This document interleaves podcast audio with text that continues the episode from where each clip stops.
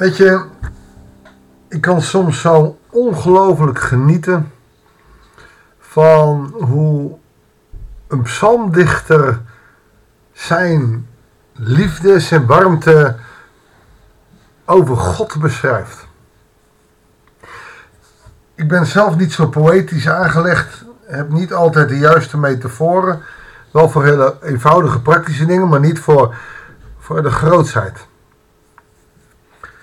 En het grappige is dat de metaforen die de psalmdichter gebruikt ook eigenlijk gewoon uit de natuur te halen zijn. Zoals ik al eerder gezegd heb, een eh, man die ik af en toe spreek, die zegt aan een grasprietje dat ochtends groen is, s'avonds verdord is, kan ik zien. God leeft. Als je zelfs de grasprietjes kan laten groeien. De psalmdichter gaat verder. Goedendag en hartelijk welkom bij een nieuwe uitzending van het Bijbels Dagboek. We lezen uit Psalm 104, de versen 19 tot en met het eind van de psalm, vers 19 tot en met 35. U hebt de maan gemaakt voor de tijden. De zon weet wanneer zij moet ondergaan. Als u het duister spreidt, valt de nacht en alles wat leeft in het woud gaat zich roeren. Jonge leeuwen gaan uit op roof. Brullend vragen zij God om voedsel. Bij zonsopgang trekken zij zich terug en leggen zij zich neer in hun legers. Eigenlijk beschrijft hier gewoon wat er gebeurt. Gewoon een leeuw die gaat s'nachts lekker uh, op jacht en overdag slapen ze lekker in hun legers.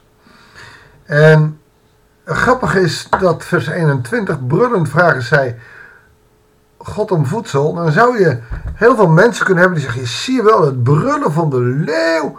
Weet je, is een metafoor. Zoals ze brullen als ze beroofd zijn. Weet je, een, een, leeuw is zich niet bewust van de afhankelijkheid die hij heeft van God. Een leeuw die ziet een hertenkalfje en die grijpt het. Instinctief. Maar prachtig hoe de psalmdichter hier dat gebruikt. Brullend, als ze dus brullen, dan, dan vragen ze God om voedsel. Zo zou het ook met ons moeten zijn. Ik hoor steeds meer mensen zeggen, oh, maar ik ben niet zo vaak meer. God weet wel dat ik... Uh, dat ik hem dankbaar ben dat ik het weer heb of zo. En dat is jammer. Want dat brullend vragen zij God om voedsel. Wij zouden meer moeten brullen. Wij zouden meer duidelijkheid moeten hebben uh, in God, door God, voor God. Over het feit dat Hij ons leven leidt. En juist door dankoffers te brengen, door Hem te bedanken voor alles wat we hebben.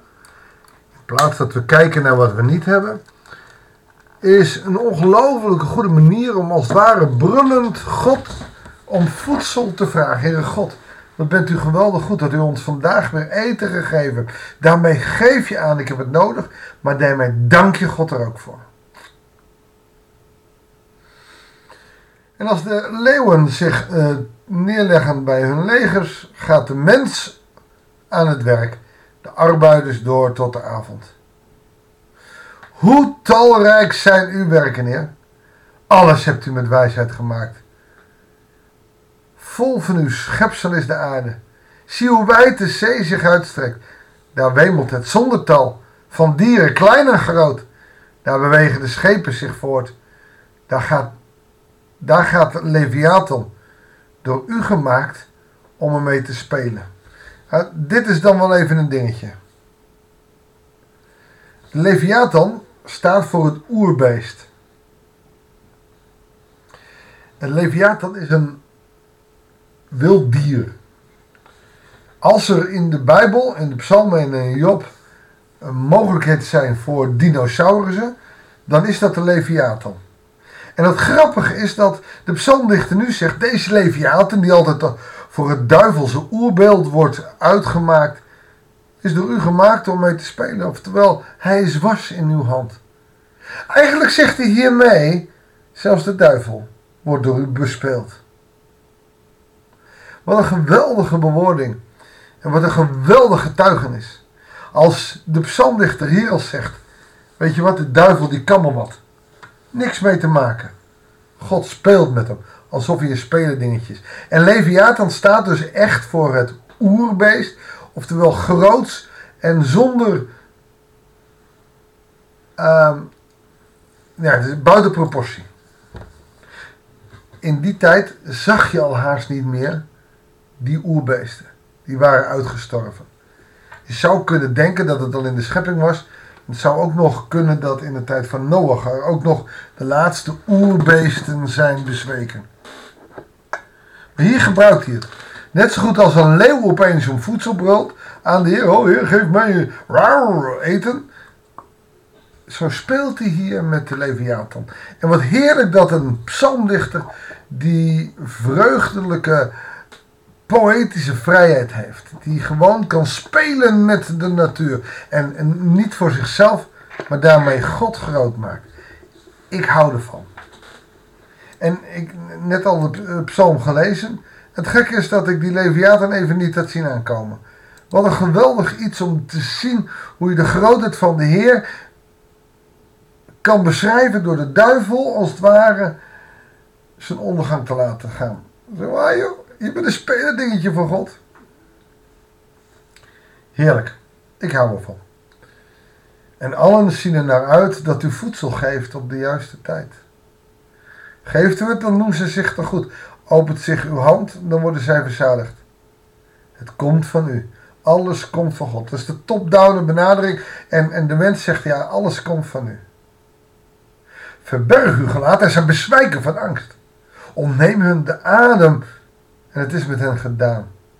Dan keren ze terug tot het stof dat zij waren. Zend uw uw adem en zij worden geschapen. Zo geeft u de aarde een nieuw gelaat. Oh, wat een prachtige woorden. Zend uw adem, wind, zend uw wind. En zij worden geschapen. Door zijn ruach worden wij neergezet. En dat is dan ook weer Genesis. Zijn levensadem is in is ons als mensen. Fantastisch, vind je niet? De luister van de Heer mogen eeuwig duren. Laat de Heer zich verheugen in zijn werken. Hij richt zijn oog op de aarde en ze beeft. Hij raakt de bergen aan en ze stoten rook uit. Wat hij ook doet, het is groots. Wat hij ook aanraakt, het is goed. Voor de Heer wil ik zingen zolang ik leef. Een lied voor mijn God zolang ik besta. Mogen mijn lofzang de Heer behagen, zoals mijn vreugde vindt in Hem. Zondaars zullen van de aardbodem verdwijnen. Onrechtvaardigen zullen niet meer bestaan. Prijs de Heer, mijn ziel. Halleluja. Wat een geweldig iets. Zeker dat de psalmdichter ook met die dubbele lofprijzing eindigt. Prijs de Heer, mijn ziel dat is halleluja. En dan zegt hij er nog eens halleluja achter. Dus hij benoemt het halleluja. Eigenlijk zegt hij hier halleluja, halleluja. Wat heerlijk om zo de grootheid van God te bejubelen. Zullen we God maar gewoon danken. Heere God, dank u wel dat u met de Leviathan speelt alsof het een, een klein dingetje is. Alsof het niks voorstelt. Wat bent u een geweldige God. Zo groot dat wij het niet kunnen bes bevatten, Heere God. U bent groter dan het melkwegstelsel hier. En dan kunnen we al niet eens bij Mars komen, zo ver weg, Heere God. En u bent nog groter. Als je alle melkwegstelsels bij elkaar pakt, dan past u daar nog omheen. Zo groot bent u. En toch ziet u naar ons mensen om.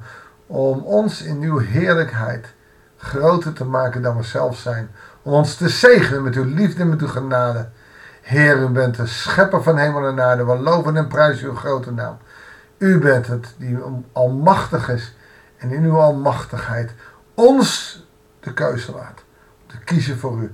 Heer, dank u wel voor wie u bent. Zegen ons zo deze dag. En de dagen die komen gaan, dat bidden we u. In Jezus' naam. Amen. Dankjewel voor het luisteren. Ik wens je God zegen. En heel graag tot de volgende uitzending van het Bijbelsdagboek.